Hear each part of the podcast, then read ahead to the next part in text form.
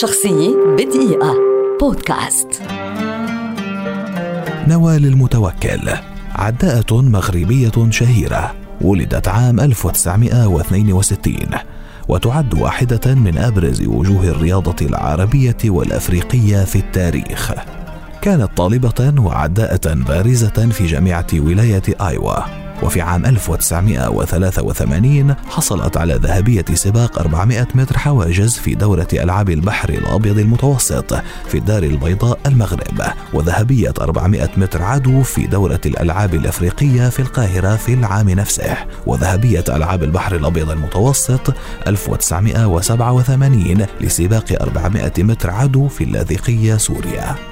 في أولمبياد لوس أنجلوس عام 1984 فازت نوال المتوكل بميدالية ذهبية في سباق ال 400 متر حواجز لتصبح أول امرأة أفريقية وعربية تحرز ميدالية ذهبية وأول امرأة عربية تحصل على ميدالية أولمبية. ودعت المناسبة ملك المغرب الحسن الثاني للأمر بتسمية كل مولودة ولدت يوم حصولها على الميدالية باسم نوال.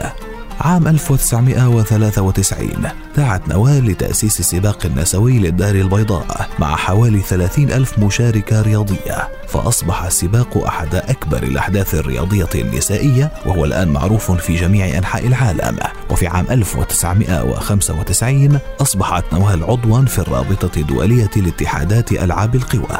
وهي منذ عام 1998 عضو في اللجنة الأولمبية الدولية. عام 1998 أيضا أصبحت نوال عضوا في اللجنة الدولية الأولمبية.